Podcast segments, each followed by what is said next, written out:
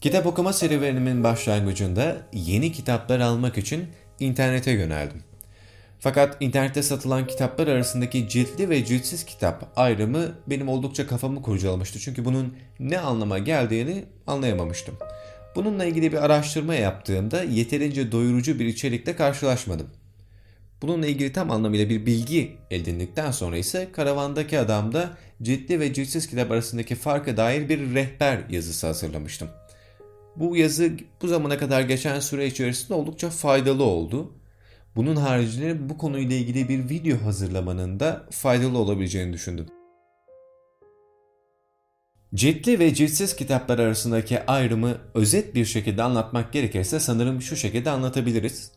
Ansiklopedileri hatırlar mısınız bilmiyorum. Bir zamanlar gazetelerden elde edilen kuponlarla alınabiliyordu ve bu şekilde hepimizin evinde bir şekilde yer edindi.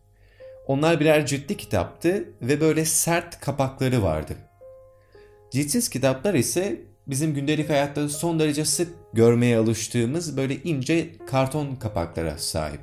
Bunun haricinde ciltli kitaplar biraz ağırlar ve sert kapaklara sahip oldukları için zaman içerisindeki deformelere daha dirençliler.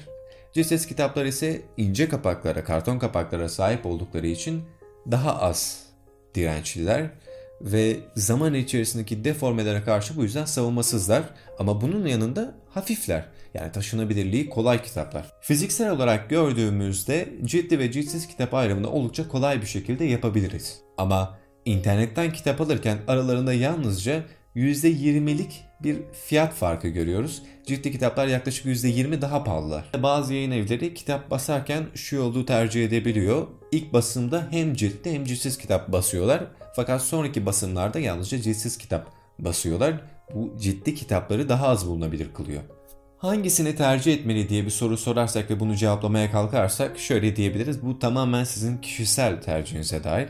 Eğer kütüphanenizde daha prestijli, ağır ve güzel görünüme sahip kitaplar istiyorsanız ve maddi olarak da bu konuda bir sıkıntınız yoksa ciddi kitapları tercih edebilirsiniz.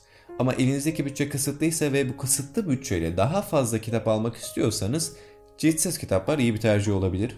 Gördüğünüz gibi ciddi ve ciltsiz kitap ayrımı oldukça basit bir ayrımdı. Bu videoda bu konuyu ele aldık. Önümüzdeki videoda görüşünceye dek hoşçakalın.